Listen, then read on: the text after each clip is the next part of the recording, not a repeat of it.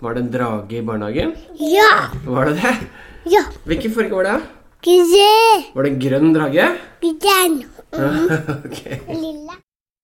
Det er veldig lett å snakke med barn, særlig når det er dine egne og de har sett en grønn drage i barnehagen.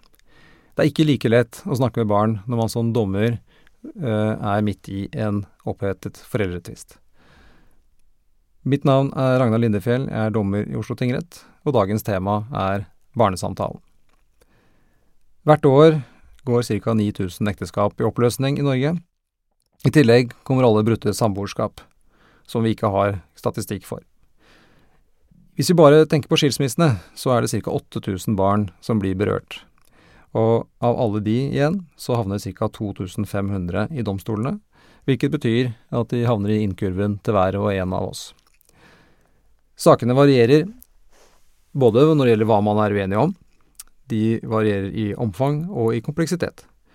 De har imidlertid et fellestrekk, og det er at vi som dommere har en stor, eh, og særlig de sakene som ender med dom, ved avgjørende innflytelse på helt grunnleggende livsvilkår for tusenvis av barn, og i forlengelsen av det livsvilkårene til deres foreldre, søsken, slekt for øvrig og, og nettverk.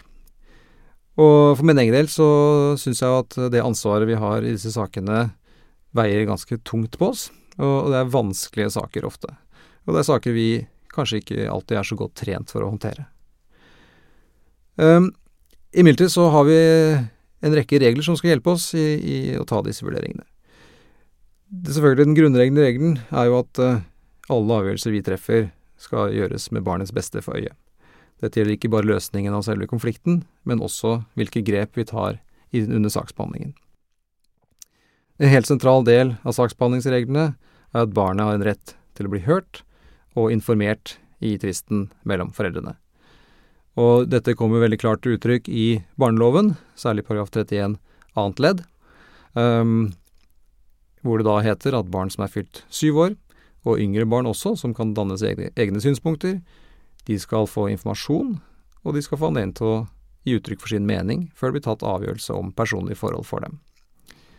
Um, og denne regelen er jo da inspirert av FNs barnekonvensjon, som for øvrig ikke har noen nedre aldersgrense. Det vi kan uh, trygt legge til grunn som dommere, er at alle norske barn over syv år, kanskje også under, skal ha både informasjon om saken, og man skal kartlegge deres mening. Dette skal skje før en dommer tar en beslutning. Og forarbeidene omtaler barnas rett til å bli hørt som en ubetinget rett. Det er altså ingen unntak til dette, og hvis barnet ikke blir hørt, så er veien til opphevelse av avgjørelsen kort. Det vi skal snakke om i denne episoden, er i all hovedsak to spørsmål. Det ene er eh, mest av juridisk eller prosessuell karakter, nemlig hva er egentlig barnesamtalen, og hva er formålet med den? Det andre er litt mer praktisk og har en side til det barnefaglige, nemlig hvordan skal dommeren operasjonalisere, eh, eller kanskje sagt på en enklere måte, hvordan skal man på en praktisk måte gjennomføre gode samtaler med barn. Du hører på Dommerpodden. Du hører på Dommerpodden. Dette er det folk som kan veldig mye mer om enn meg der ute, og jeg har vært så heldig da å fått samlet to av dem uh, til denne samtalen. Uh, I tillegg til å ha uh, veldig mye kunnskap om temaet, så er begge to kjent for å være nokså verbale av seg, så dette gleder jeg meg veldig til. damene først. Rikke Lassen, du er dommer i Oslo tingrett. Velkommen til dagens utgave av Dommerpodden. Takk. Jon Ståle Gjesdal Henriksen, du er psykolog og arbeider som sakkyndig i domstolene. Velkommen. Takk skal du ha. Uh, Rikke, la oss starte litt med deg. Uh, for de av våre lyttere som uh, kanskje mot formodning ikke har truffet deg før, hva kan du si to ord om, om deg selv og din innfallsvinkel til dette temaet? Det kan jeg. Jeg er dommer i Oslo tingrett, har vært det i fire år. Og før det var jeg privatpraktiserende advokat i det blir vel nesten 20 år. Og holdt på veldig mye med barnerett i, i veldig bred forstand. Og etter at jeg begynte i domstolen, så har jeg eh, fått anledning til å holde på mye med dette barnerettslige engasjementet, og være med på mye viktig utviklingsarbeid i forhold til hvordan vi håndterer disse sakene i domstolen. Det er særlig ett uh, prosjekt som uh, i hvert fall jeg har hatt veldig mye nytte av at du har jobbet med, Rikke. Kanskje du kan tenke deg hvilket det er? Det kan jeg. Ja. Det håper jeg virkelig er den eh, nasjonale veilederen for domstolenes eh, behandling av foreldretvister. Som er en samling god praktis, praksis og nyttige maler innhentet fra mange domstoler i hele landet, og ment som en veldig praktisk sånn dreiebok og verktøykasse for den enkelte dommer. Og for de av dere som da ikke har tatt den i bruk ennå, så er det jo bare å gjøre det. Eh, Ståle, hva med, hva med deg? Eh, hva kan du si litt om din bakgrunn? Ja, jeg er eh, spesialist i klinisk psykologi og har eh, jobbet som eh, sakkyndig for domstolen i barne- og familiesaker siden eh, ja, 2000-2002. Um, og blir oppnevnt av disse ulike rettsinstansene eh, og se på min rolle som å være en rådgiver for dommerne i disse sakene som, eh, som omhandler barn. Har du et særlig, særlig interessefelt eller kompetansefelt innenfor, eh, innenfor dette? Ja, altså i tillegg til eh, med det utviklingspsykologiske, um, så er jeg nok særlig opptatt av uh, vitnepsykologi. eh, og hvordan eh, barn kan bli si, påvirket eh, i en samtale ehm, med, med da særlig voksne. Eh, så ja, det tror jeg er et eh, særlig sånn eh, interessefelt for min del, i tillegg til disse andre skal vi si, fagområdene som man må ha, ha taket på når man jobber som sakkyndig for domstolene, i og med at det er ofte veldig sammensatte saker som handler ikke bare om barna, men det handler jo også om foreldrene. og, og um, det kan være spørsmål om, om uh, personlighetsmessige forhold, det kan være eh, psykiatri, det kan være rus, så man må ha en ganske sånn bred kunnskapsbasis i tillegg til, å, tillegg til man, disse kunnskapene man har om barn og, og deres familier. Jeg tror vi skal dykke rett ned i, i første tema, og da lurte jeg på om jeg skulle starte litt hos deg, Rikke, for dette er kanskje et, et litt mer sånn juridisk innfallsvinkel til det hele. Uh, hva er egentlig barnesamtalen sett fra ditt ståsted? Eh, Det er jeg så innmari glad for at du spør om, fordi at for meg så er det liksom hele døråpneren inn i denne materien. Det er eh, at dommerne stiller seg selv det spørsmålet. For det vi veldig fort gjør, det er at vi løper liksom litt inn i sånn eh, den juridiske tenkeboksen, og så ser vi for oss at dette er et slags eh, bevisopptak i en straffesak, nærmest. Og så besvarer vi mange vanskelige spørsmål ut fra den rammen. Eh, Og jeg mener at vi skal gjøre noe helt annet. Vi skal trekke oss ut og løfte oss opp og se ned på det rettslige utgangspunktet, som jo er at barnets rett til å få informasjon og til å få anledning til å bli hørt, det er jo en grunnleggende menneskerettighet som tilkommer det enkelte barnet. Du nevnte Barnekonvensjonens artikkel 12, som jo gjennom menneskerettsloven er norsk lov med forrang for, eh, for annen lovgivning. Eh, Dette er jo nå også løftet opp i Grunnlovens paragraf 104. Eh, Så det jeg syns er den viktigste overskriften av alt å si til dommere, det er at dette dreier seg om vår plikt til å realisere denne menneskeretten for barnet. Nettopp.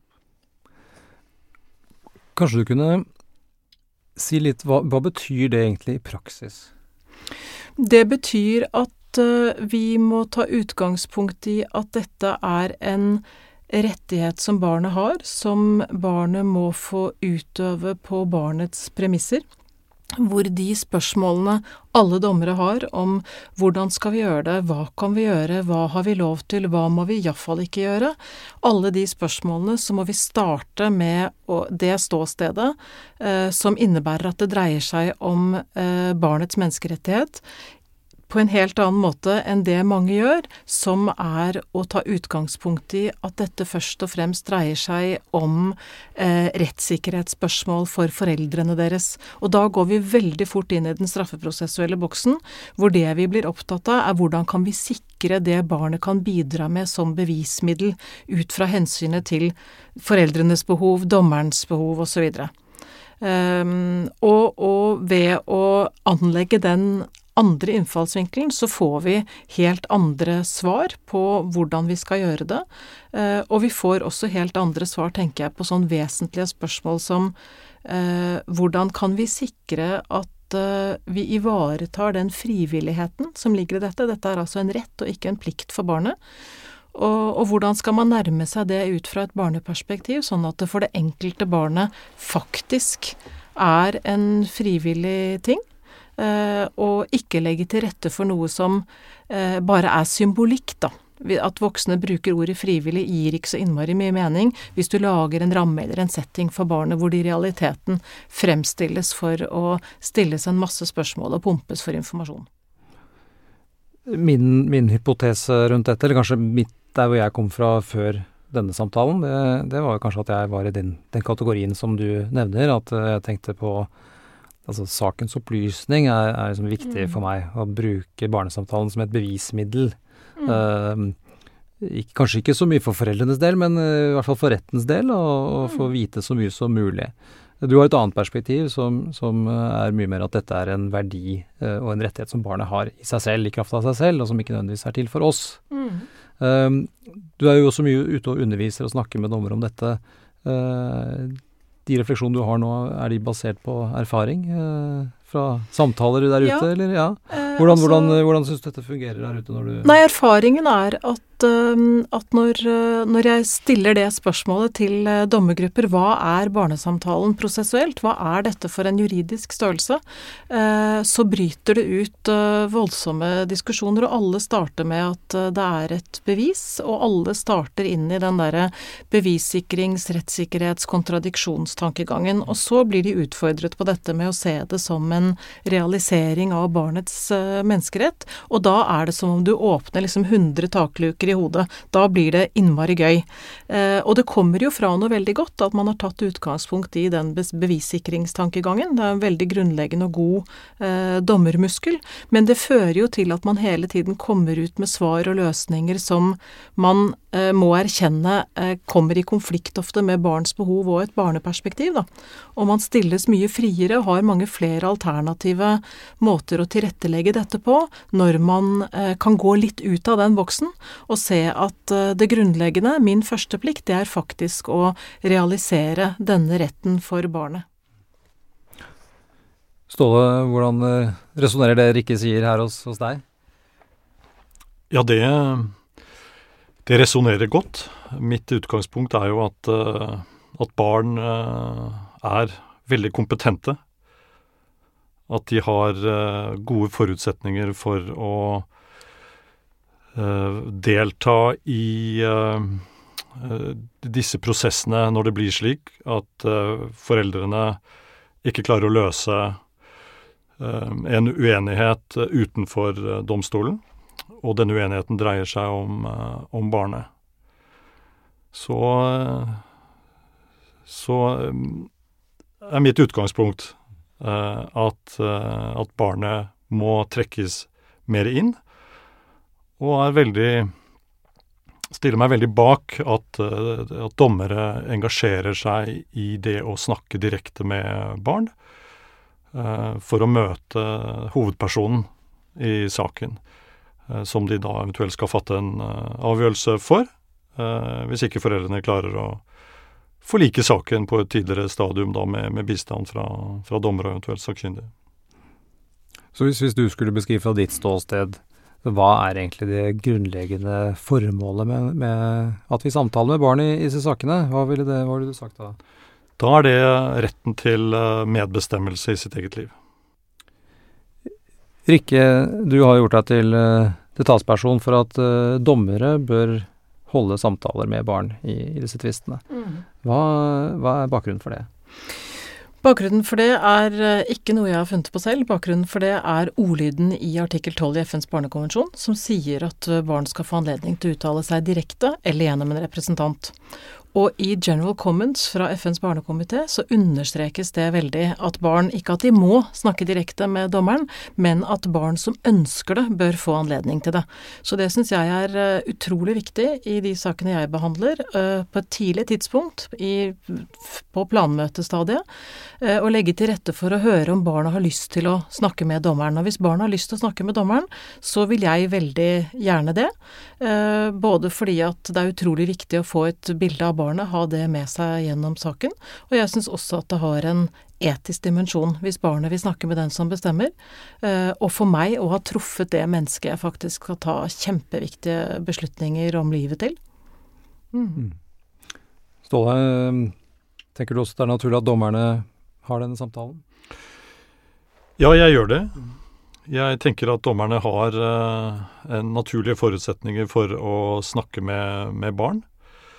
Uh, og i og med at det er barn som er hovedperson i disse foreldretvistsakene, og at avgjørelsen får så stor betydning for, uh, for det barnet og barnets uh, familier på begge sider, så mener jeg at det i, er en god løsning at det kan være en hoved, nærmest en hovedregel i disse, i disse sakene og at dommeren engasjerer seg på en sånn måte at man treffer barnet direkte, og at man da i flere saker også kanskje kan klare seg uten, uten sakkyndig. At det er saker som kan opplyses tilstrekkelig ved at, uh, ved at dommeren selv møter barnet, eller de barna som er, uh, som er en del av, av, saken. Og at man uh, bruker, eller reserverer, sakkyndige mer til de, de vanskeligere, kompliserte, alvorlige sakene, hvor det ikke bare er høyt konfliktnivå mellom to ressurssterke foreldre. Men da vil jeg bare få skyte inn, da, så ikke dommerkollegene får hetta, eh, at hvis man ikke er bekvem med å snakke med barn alene, så kan man jo gjerne gjøre det sammen med en sakkyndig både én og to og fire og fem ganger før man gjør det selv. Så det å treffe barnet og snakke med barnet direkte er ikke ensbetydende med å gjøre det helt alene. Nettopp, og det, det bringer meg egentlig til, eh, til neste et annet punkt som jeg tenkte kunne være interessant. Jeg, og kanskje mange med meg, vil jo oppleve at har vi egentlig kompetanse, faglig kompetanse til å ta en sånn samtale? Er, er dommere kvalifisert uh, til å snakke med, snakke med barn i en, uh, det som for de fleste er en livskrise? Da? Har dere noen synspunkter på det? Hvilke verktøy har vi i dommerkassa vår fra, fra før? Ja, jeg, ja, jeg vil si at det er jo de fleste av oss kvalifiserte for å snakke med folk, kan vi da. Og dette er jo små folk. Eh, så det mener jeg absolutt. Og de fleste, enten så har de barn, eller så kjenner de barn. Men det vi selvfølgelig skal ha stor respekt for, det er alt det psykologene er innmari mye bedre på enn oss, som gjelder f.eks. det utviklingspsykologiske. Eh, og bevisstheten rundt hvordan du kan lede barn uten egentlig å være klar over det selv. Det kan jo sikkert du si mer om, Ståle. Mm. Ja, det er riktig det at, eh, at vi har mye kunnskap i dag om hvordan barn blir påvirket i en uh, samtale. Barn er uh, veldig selvstendige, men de er også opptatt av å tilpasse seg. Slik at uh, barn kan godt raskt og lett fange opp forventninger hos, hos, voksne. Så Derfor er det mitt utgangspunkt at de dommerne som da har samtaler med barn, at de kan støtte seg til en metode at de har en, uh, en, en gjennomarbeidet uh, mal, for å kalle det det, for hvordan samtalen skal forløpe. Uh, og ikke minst hvordan da liksom, referatet skal, skal, gjennomføres eller skrives etterpå, slik at man får det som dere dommere og jurister kaller notoritet. Men det er jo det samme som sakkyndige gjør når Eh, når de, når de, har samtaler med barn eh, eh, på vegne av, av dommeren. Men dette er jo noe av det som, som, vi har snakket om også, hvor det er utrolig viktig, syns jeg, at dommere kan gjennomføre noen sånne samtaler sammen med en sakkyndig, og lære seg litt den måten å gjøre det, nettopp ved å stille spørsmål som er åpne, som ikke leder barnet videre i en eller annen retning. Fordi det er så fristende å være litt støttende og vennlig og gå videre på noe barnet har sagt, og så fanger ikke vi, tror jeg, så lett opp at vi ved det, så styrer jo vi barnet i en eller annen retning. Mm. Ja, det tror jeg det tror jeg er helt riktig. Jeg, min erfaring er jo at barn veldig raskt finner ut om den personen de møter er, er til å stole på. Dette, om den personen de kan dele noe, noe med, svare på spørsmål. Uh, og Derfor er jo min tilnærming til disse samtalene, slik jeg har gjort dette i, i mange år, uh, er jo at uh, um, denne at samtalen liksom går ganske raskt i gang for å, for å løfte frem det som er vesentlig sant, i saken. At det er ikke, dette er ikke en vanlig samtale. Det er en samtale liksom, med et visst formål, men at barnet gis muligheten til å øh, svare åpent og fritt, men også på en måte reservere seg og, og øh, ikke gi tydelige uttrykk for tydelige oppfatninger hvis det ikke har det. Uh, så som, som, sagt igjen, så mener jeg at for at dette skal bli bra for barnet, og, og også for dommeren, så bør det være altså en, at man har en metode som man støtter seg på, og som man bruker hver gang, men med tilpasninger selvfølgelig underveis. Uh, fordi da uh, unngår man å, uh, å skape sitt, situasjoner som man ikke helt vet hvordan man skal komme ut av. Mm. Den, den, metoden som du nevner, Ståle, mm. kanskje du kunne bare beskrive den helt overordnet for oss? Sånn i en, i en gjengs sak. Hvordan, hvordan, starter du samtalen, og hvordan forløper det? Helt overordnet, og det, det, dette er jo en metode som jeg også delvis da utviklet sammen med, med Rikke Lassen. Så handler jo det om å Etter å ha gått gjennom disse formelle, den introduksjonen, at man forteller grunnen til at barnet er der, og retten til å bli hørt, og at ikke det er en plikt, uh, og at barnet blir for, formanet, så handler det om å, å raskt da uh, prøve å få tak på hva barnet uh, hva, hva, slags kjennskap barnet har til uenigheten mellom foreldrene.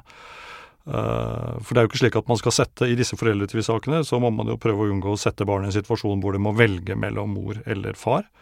Men at barnet skal få muligheten til helt sånn å styre og føle kontroll over dette, hvor mye det sier om sine egne ønsker. ønsker. Og da er det et viktig poeng, tenker jeg, at, at barnet svarer ut ifra det det vet om konflikten mellom foreldrene. Og der er det jo da Det er vel ikke forbausende, men det er da gjerne slik at de fleste barn vet veldig mye om hva foreldrene er uenige om. Mm. Og da, når de vet dette, hva foreldrene er uenige, da sier de ja, jeg vet at foreldrene mine er enige om hvor jeg skal bo, uh, og hvem, hos hvem jeg skal bo mest. Så er jo da det neste naturlige spørsmålet om de har noen tanker om det selv. Mm. Det jeg merker meg at du, du i hvert fall sa det ikke noe nå om om at man har en eh, liten innledning om f.eks. hva barnet liker å gjøre, hvordan det går på skolen, fritidsaktiviteter. Jeg tror mange dommere er litt opptatt av å sette tonen der. Er det um, Så har jeg kanskje opplevd at andre er mindre opptatt av det, at man skal kanskje gå litt mer rett på. Hva, det, hva tenker du er, er en, en i de fleste saker da, en, en riktig fremgangsmåte? Ja, da tenker jo jeg at en riktig fremgangsmåte er at man går relativt raskt på, raskt på, At man ikke bruker tid på en såkalt sånn kontaktetablering, for den har allerede skjedd. Den har jo barna allerede vært igjennom når de møter deg, når de blir tatt imot av dommeren og, og vist inn på et kontor eller et møterom. Så er jo den kontaktetableringen allerede godt i gang. Uh, og at barn, og særlig da mindre barn, så har de en Uh, et slags uh, tidsvindu hvor de er liksom åpen for å samtale. Og at hvis man bruker opp det på litt sånn utenomsnakk uh, og kontaktetablering, så kan man miste den anledningen til å få frem hva barna mener om disse, og disse viktige spørsmålene. Mm. Så min anbefaling er at man da går mer rett på og får tak i hva barnet vet om saken og uenigheten mellom foreldrene, og så uh, utleder man samtalen uh, ut ifra det. Er dette noe du kjenner deg igjen i, Rikard? Det antar jeg at det er, for dere snakker mm. mye om dette, dere to. Men ja. er, har, du, har, du, hatt en utvikling hos deg selv der, eller hvordan? Har du alltid, har ja, du alltid ja, uh, det, det, jeg syns er veldig interessant, det er jo at det mange dommere er opptatt av, og alt dette kommer jo fra noe veldig godt, ikke sant. Det er veldig sånn å ta hensyn til barnet, så er man opptatt av Man er så redd for å avsløre triste ting for barnet. Er så redd for å avsløre liksom, den dystre hemmeligheten om den store konflikten og sånn. Uh, og det er jo og som regel helt eh, Altså det er en illusjon. Barna vet jo veldig godt at foreldrene har en konflikt. De er ofte preget av det. De syns det er leit. Min erfaring er at de syns det er fint at det blir snakket om. Eh, Det er jo en alvorlig samtale, ikke sant. Det er ikke preget av latter og fjas, det er en alvorlig samtale. Men mange ganger så tenker jeg at det er først og fremst vi voksne som ønsker å skjerme oss selv nærmest med en del sånn utenomsnakk, da. Eh, Så du må jo tørre å være til stede i at det er følsomme, store spørsmål for barna, og da kan du få ganske sånn eh, inderlige og sterke samtaler som man kan bli ganske beveget av, og det, det er jo helt, helt ok. Mm. Er det noen grunn til at vi skal være eh, bekymret for å si feil ting, eh, Ståle, eller eh, opptre på en sånn måte at vi kan gjøre mer skade enn gavn? Nei, jeg tenker at ikke det er noen grunn til det. Jeg tenker at, at de aller fleste dommere vil håndtere dette på en helt utmerket måte, og at det som er vanskelig, eller du brukte dette ordet som skadelig for, for barna, så er det jo selve altså konflikten mellom foreldrene, og i den grad foreldrene blir direkte brukt i den konflikten. Det er jo det som er vanskelig for barna. Det er jo ikke det å snakke med andre utenforstående.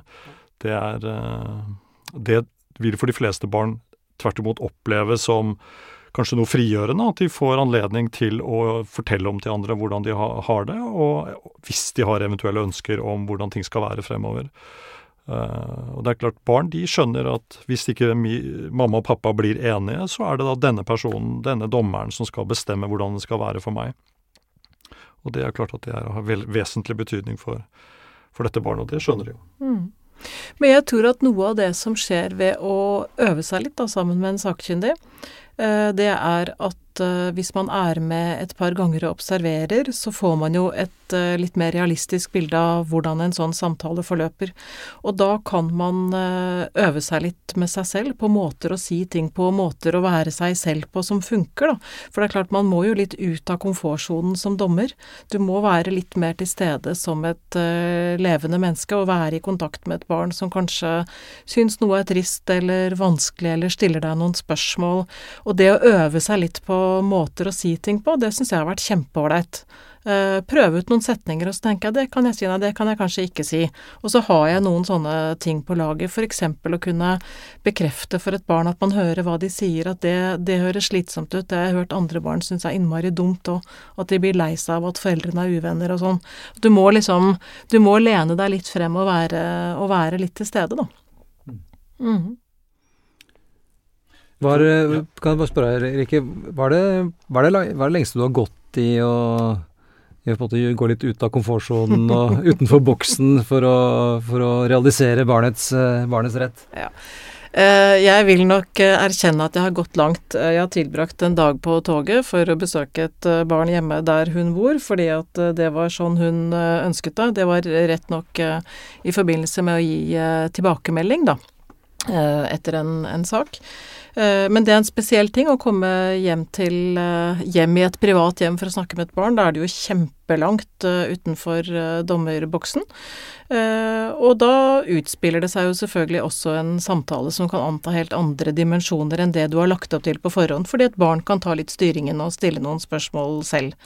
Sånn at jeg syns jeg har gått ganske langt utenfor boksen, og jeg syns det er interessant å reflektere over hvor utfordret vi blir av det. Altså hvor vi har en veldig sånn bevissthet hele tiden om hva, hva, er, hva kan man gjøre som dommer?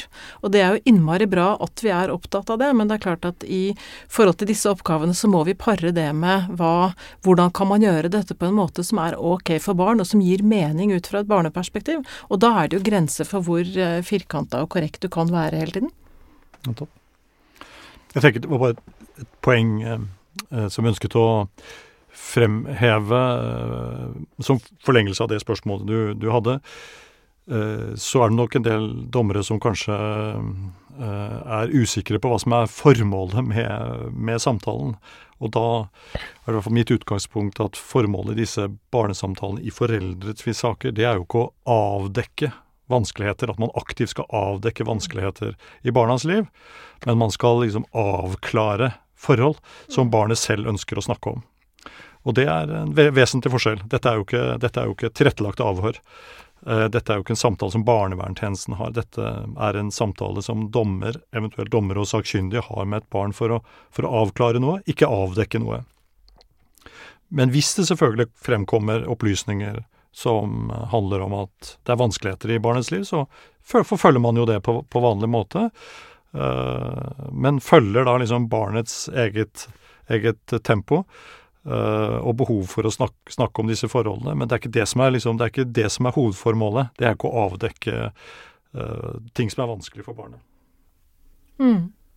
Ja, Det er enig, det, det, er viktig. Jeg tror kanskje det er der noe av prestasjonsangsten til en del eh, dommere kommer inn også. Eh, nettopp at man, eh, man, får opp disse tankene om tilrettelagte avhør og sånne ting, og blir veldig opptatt av at man skal innhente informasjon, og at det skal gjøres på en rettssikker måte. Men, men, det er altså ikke der vi er. Jeg opplever av og til at en del advokater er opptatt av å få stilt spørsmål eller på annen måte ja. påvirke innholdet i, i, denne samtalen. Er det noe dere har erfaring med? Rikke, kanskje deg, du nikker? Ja. Det kommer ikke bare fra advokater, men, men, også fra dommere. Så kommer nettopp sånne innspill med spørsmål om kunne vi ikke ta det opp eh, på lyd og bilde, kunne det ikke være sånn at eh, advokatene i prosessskriftsform kunne melde inn de spørsmålene de syntes var vesentlige i forkant, og alt dette som kommer fra eh, bevissikringstenkningen og er interessant der, men som veldig fort kommer i konflikt med hensynet til barnet. Det er klart at hvis du sitter klar med 15 spørsmål fra hver av advokatene som du nærmest har lovet lovet å stille barnet, så blir jo barnets rett til egentlig å eh, ikke snakke med deg, eller snakke om det barnet er opptatt av, som kan være noe ganske annet, den blir jo helt illusorisk. Kan, kan, kan, noe, kan, kan, ikke dette være noe positivt også? Kan, eh, det ikke være sånn at f.eks. en advokat eller en part har legitime bekymringer for ting barna har opplevd, og som de ønsker at skal løftes fram i en sånn samtale? Ja, da, da syns jeg det i større grad må meldes inn. Altså hvis du har legitime bekymringer for at eh, barn har opplevd eller befinner seg i risiko f.eks., så tenker jeg det må legges inn i mandatet til en sakkyndig.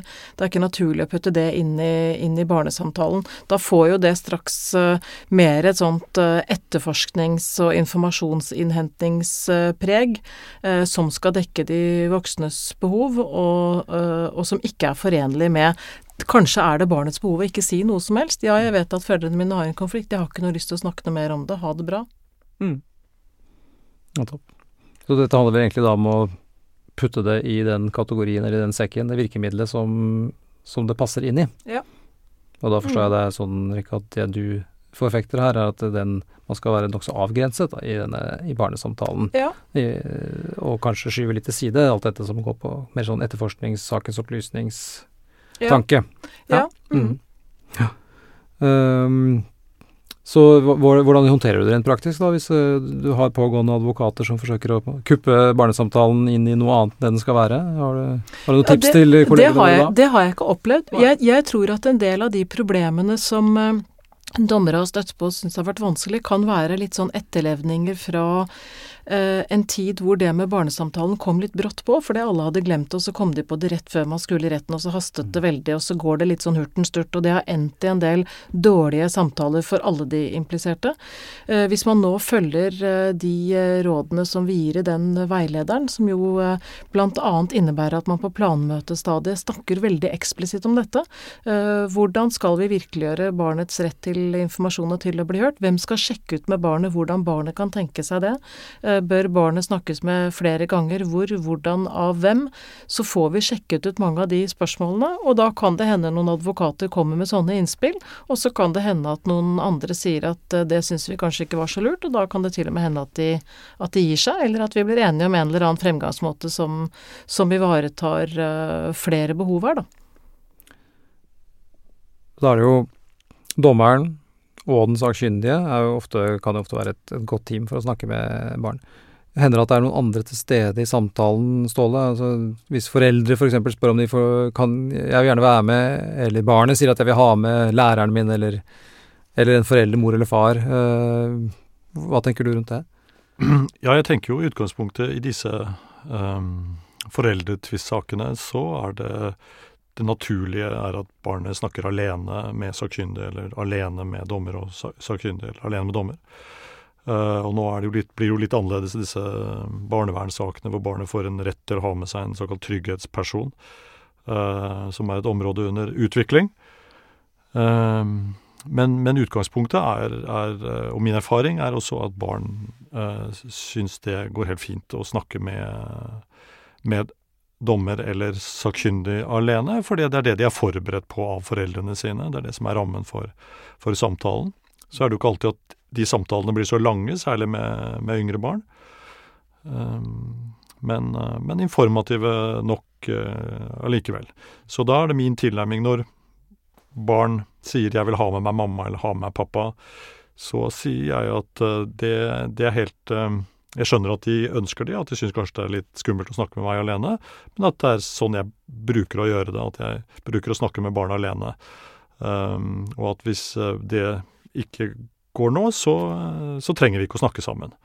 Uh, så da Det er veldig vanskelig, disse prosessene hvor hvor foreldrene gjerne har litt liten tillit til hverandre, og har med én forelder i de barnesamtalene, fordi da blir ofte det barnet sier, mistenkeliggjort av den andre forelderen, og så har man det bare et ny, ny sånn runde dreining i denne konfliktspiralen mellom foreldrene. Uh, og at den andre forelderen vil da også kreve å få være med på en samtale med, uh, med barnet osv., og så, videre, og så uh, skaper man bare nye vanskeligheter. Eh, derfor er jeg opptatt av å alltid ha liksom sånn balanse når jeg snakker med barna. Hvis jeg snakker med barna hjemme hos mor, så snakker jeg også barnet hjemme hos far. Og Da er alternativet til to samtaler er at man snakker på sakkyndiges kontor eller på en skole på et nøytralt sted. Men nettopp derfor mener jeg at det å ha en samtale, dommeren har en samtale med, med barnet i ting, tinghuset, um, at det skaper en sånn arena som er balansert, og som er, er trygg for de aller, aller fleste barn å, å, møte opp på. Det høres i hvert fall uh, kjent ut. Uh, ut fra egen praksis kan, kan jeg vel si at man kan fort komme til den, den refleksjonen at kostnadene ved å gjennomføre en samtale på de premissene blir større enn en fordelene, fordi nettopp som du sier, at da får da får enda en omdreining på, på konflikt, eh, enda en trapp opp, mm. trappetrinn opp på konflikttrappa. Um, Rike, er det, det også din erfaring? Ja, og igjen da reklame for den uh, veilederen, men der er det henvisning bl.a. til en sånn uh, stilig liten tegnefilmsnutt som man kan uh, laste ned fra YouTube eh, om Knut, som skal snakke med en dommer og en sakkyndig i forbindelse med en foreldretvist. Og alle sånne grep som er sendt ut på forhånd til foreldre, så barn får informasjon om hva de skal, gjør jo at barn kommer dette i møte uten å, uten å bli så overrasket. Da. Jeg har aldri opplevd at uh, noe barn har, uh, har, motsatt seg at uh, mamma eller pappa venter på gangen. Hva det betyr, vet jeg jo ikke. ikke sant? Det kan jo hende at de opplever at jeg er så autoritær, eller at settingen er så spesiell at de bare gjør som de får beskjed om. men men, inntrykket mitt uh, er ikke sånn. Inntrykket mitt er at, at dette er greit, og jeg, oppfatter, jeg blir faktisk ganske beveget av uh, en sånn uh, En opplevelse av at barn tar dette veldig alvorlig og føler seg veldig tatt på alvor. At de forstår at man er veldig opptatt av akkurat dem fordi det er det det handler om, og at det tror jeg de syns er ganske riktig. Når vi er inne på dette med deltakere og, og samtalen. Hvordan er det med søsken, Ståle?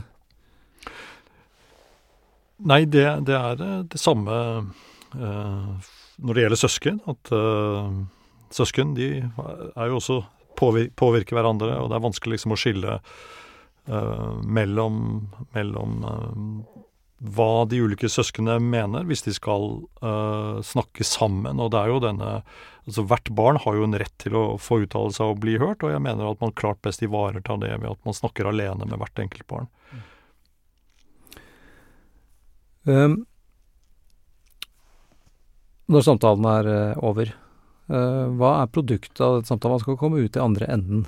Uh, tenker jeg. Stikkord eh, referat. Hvordan skal Et godt referat. Et godt referat. Hva er et godt referat, Rikke? Et uh, godt referat, det uh, redegjør for uh, settingen. Hvem var der? hvordan innledet vi? Hvilken informasjon fikk barnet før vi startet? Det har jeg alltid skrevet ferdig på forhånd, for der følger jeg en mal. Selvfølgelig litt sånn språklig tilpasset barnets alder. Så er det veldig viktig at det fremkommer hva barnet spørres om. Sånn at eh, det barnet eh, Det man gjenforteller at barnet sier, ikke henger i løse lufta. Eh, Så det har veldig stor betydning. Man må legge inn eh, sånn cirka hva det er spurt om. Jeg pleier alltid å legge inn om det er den sakkyndige eller dommeren som stiller eh, spørsmålet. Og så skriver jeg eh, mye ganske ordrett av hva barnet sier. Eh, det sier jeg selvfølgelig fra til barnet på forhånd at det er sånn jeg gjør det, og at jeg kommer til å lese det opp etterpå og sånn. Eh, Så jeg er opptatt av at det rett og slett er bare en gjengivelse av den faktiske samtalen. Og hvis jeg har noe jeg syns er naturlig å tilføye, eh, f.eks. at barnet har tydelige følelsesuttrykk, da hender det jeg skriver i parentes i kursiv 'gråter'. Eh, og, og så pleier jeg å skrive en sånn tydelig adskilt vurdering i en setning eller to på slutten, eh, hvor jeg bare skriver noe om eh, f.eks. at jeg opplevde at vi fikk god kontakt, at det var en hyggelig samtale.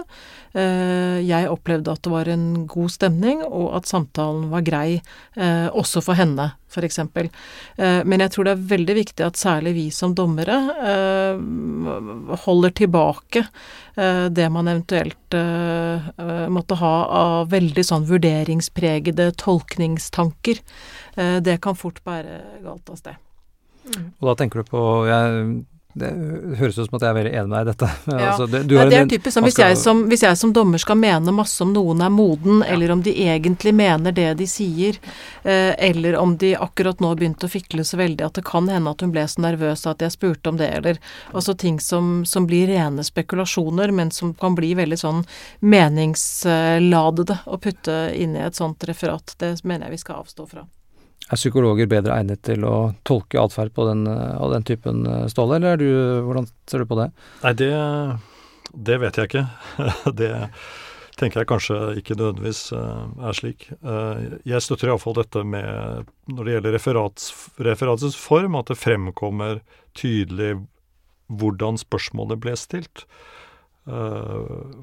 Fordi at eh, å bare lese en oppsummering av hva barnet sier om eh, de ulike forholdene, det er lite tilfredsstillende, i hvert fall fra, fra psykologfaglig hold, da, for å forstå hva barnet faktisk svarer på. Da er det helt avgjørende at, eh, at hvordan spørsmålet blir stilt, står i referatet på disse større tingene. da. Så kan det være at barnet utdyper et resonnement eller forteller om ting som ikke er av, av så stor betydning, og da kan man jo selvfølgelig oppsummere det mer sånn at barnet fortalte det og det. Men når det gjelder akkurat disse store, store svarene, så er det viktig å få med spørsmålet og hvordan det ble, ble stilt.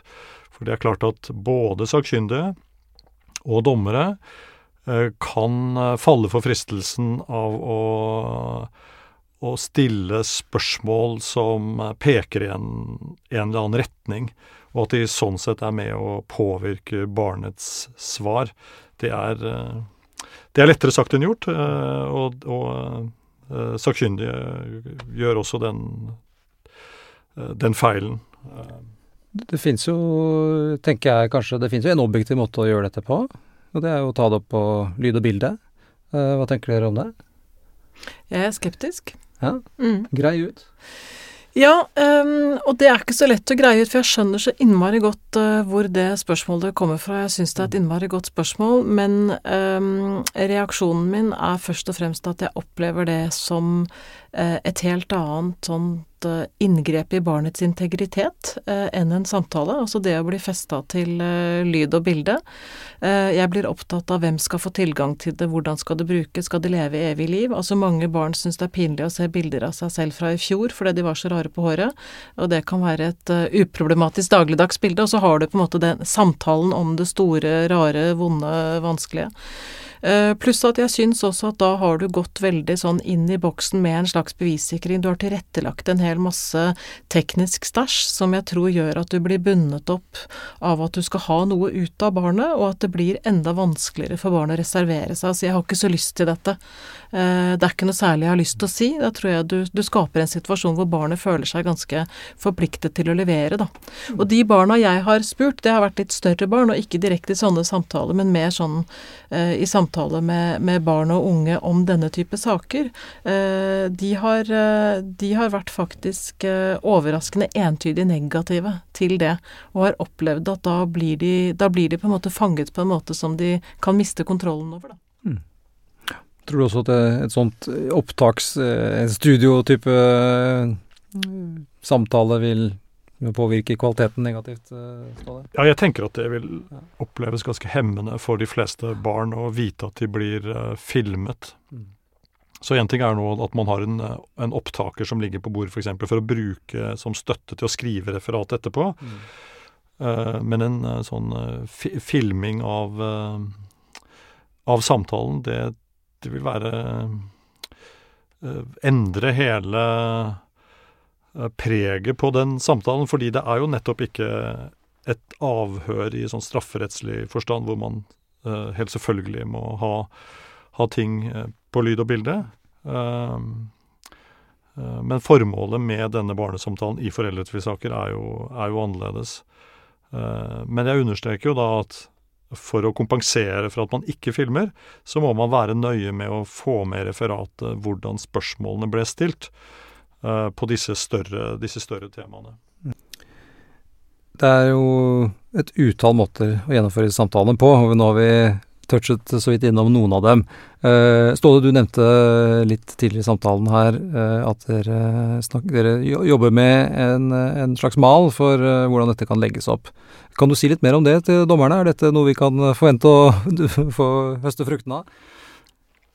Ja, det er vel et bærer vel noe preg av å være som work in progress. Men hensikten med det er jo at man skal ha en metode som dommer man, som man bruker, slik at man selv Man bruker den i hver samtale, men med selvfølgelig improvisasjoner underveis. Uh, fordi at da vet man at man selv er liksom en sånn konstant faktor, og så har man ulike barn som forholder seg ulikt, svarer ulikt til disse spørsmålene. Så man slipper man å finne opp liksom hjulet på et, i forbindelse med hver samtale, og det gir både en trygghet, men det gir også en sånn, som sagt, en metode å bruke um, uh, som da kommer uh, dommeren til, til gode. Um, så den malen, den eh, Jeg vet ikke om du har lyst til å si noe mer om det, Rikke? Jo, altså eh, det vi kan si er at vi har jo laget et, eh, et utkast som, som, det er noen som skal se på, og så litt etter hvert så blir det tilgjengelig så dommere skal bruke. Det er jeg helt sikker på. Akkurat når, det, det vet jeg ikke. Men, men, den som ønsker å få tilgang til et utkast, kan sende meg en mail, for man er, man er godt, hjulpet godt på vei. Mm. Bra. Det blir helt sikkert enda et nyttig eh, verktøy for oss, i tillegg til eh, jo den nasjonale veilederen som vi allerede har. Og så får vi også nevne da at det nylig har kommet eh, et ytterligere et refleksjonsverktøy rundt barnesamtalen, som nå ligger i, i dommerhåndboka, som er utviklet av, av dommer Bente Lafors og en annen sakkyndig som jeg akkurat nå dessverre Vigdis Sorteberg. Vigdis Sorteberg. Så Bente og Vigdis har laget et, et verktøy i, i, tillegg til det vi allerede har. Um, dette kan dere selvfølgelig gå og se på etter å ha hørt på podden. Vi skal runde av, folkens, med et litt sånn bonusspørsmål, uh, som jo også har med samtale med barn å gjøre, men som er den samtalen som finner sted etter at dommerne har avsagt en, en, en, kjennelse eller en dom i en, en barnesak. Det går jo på barnets rett til å bli informert. Hva skjedde egentlig, hva ble utfallet, og hvordan skal man snakke med barna om det? Eh, der er min eh, opplevelse, den er kanskje basert på egen tilkortkommenhet, at eh, praksis er litt sprikende. At vi kanskje ikke er så bevisst på akkurat den delen av saken. Rikke, du, du, nikker litt gjenkjennende. Tror du, tror du, det stemmer med hvordan vi opererer ute der ute? Ja, det vet jeg stemmer. Så det er veldig lurt om man lager seg en god rutine på det. Og det bør være en naturlig del av enhver samtale med barn. Det at man rett og slett avtaler det. Eh, at eh, når denne saken har vært behandlet og dommeren har bestemt noe, eh, hvordan er det mest ok for deg at du får vite om det, pleier jeg å spørre om. Og da har barnet en eller annen bestilling på det, og så gjør vi en avtale 80-tallet. Og hvis barnet da eh, ønsker å treffe meg igjen for å snakke om det, så er det det vi avtaler, og så i forkant av den samtalen så forbereder jeg meg godt, eh, rådfører meg med en sakkyndig hvis jeg trenger det, og gjør meg også noen tanker om hvordan bør de som er rundt barnet forberedes, sånn at barnet ikke kommer ut av en sånn samtale uten å ha en eller annen eh, voksen å snakke med eller eh, dele med. Jeg har til og med gjort sånn tilbakemelding på telefon til et barn som bodde langt unna, men da avtalte jeg med han og foreldren at eh, foreldren skulle høre på, altså på høyttalende telefon, for jeg tenkte det er viktig at dette barnet ikke får all den informasjonen, og så står og skal gjenfortelle det sånn litt på, på frihånd til de voksne etterpå. Så dette er mye mindre komplisert, tror jeg, enn mange gjør det til, men det er selvfølgelig noen utfordringer der hvor man bestemmer noe som er veldig annerledes enn det barna har gitt uttrykk for å ønske seg. Eh, Da er det lurt å stoppe opp og få litt eh, råd, og snakke litt grundig, gjerne med den sakkyndige, om hvordan man kan gjøre det på best mulig måte for barnet. Det var veldig oppklarende for, for meg, i alle fall. Um, Ståle, er det noe du ønsker å tilføye nå til, til dette? Ikke noe annet enn at jeg, sy syns det er eh, veldig bra at det har kommet inn i, i loven at barn som er hørt, har også krav på å få eh, skikkelig tilbakemelding på, på utfallet. Takk for det. Da skal jeg ikke gå tilbake til tegnebrettet, men da skal jeg i hvert fall gå tilbake til barnesakene med litt bedre ballast enn det jeg hadde kommet inn. Og det håper jeg lytterne også har. Da sier jeg tusen takk til deg, Ståle, og tusen takk til deg, Rikke, for å ha vært med på denne episoden. Takk skal dere ha. Selv takk. Selv takk. Du har hørt på Dommepodden. Dommepodden er en podkast fra Norges domstoler, og er først og fremst ment som et kompetansetiltak for dommerne. Foreløpig er dette et eh, prøveprosjekt, og vi som lager podkasten er interessert i å høre hva du syns. Hvis du har ris, ros eller forslag til temaer eller folk vi kan prate med, så blir vi glad for å høre fra deg. Send en mail til podkast at domstol.no og gi oss en mulighet til å bli bedre. Ha en god dømmende hverdag så lenge. Vi høres.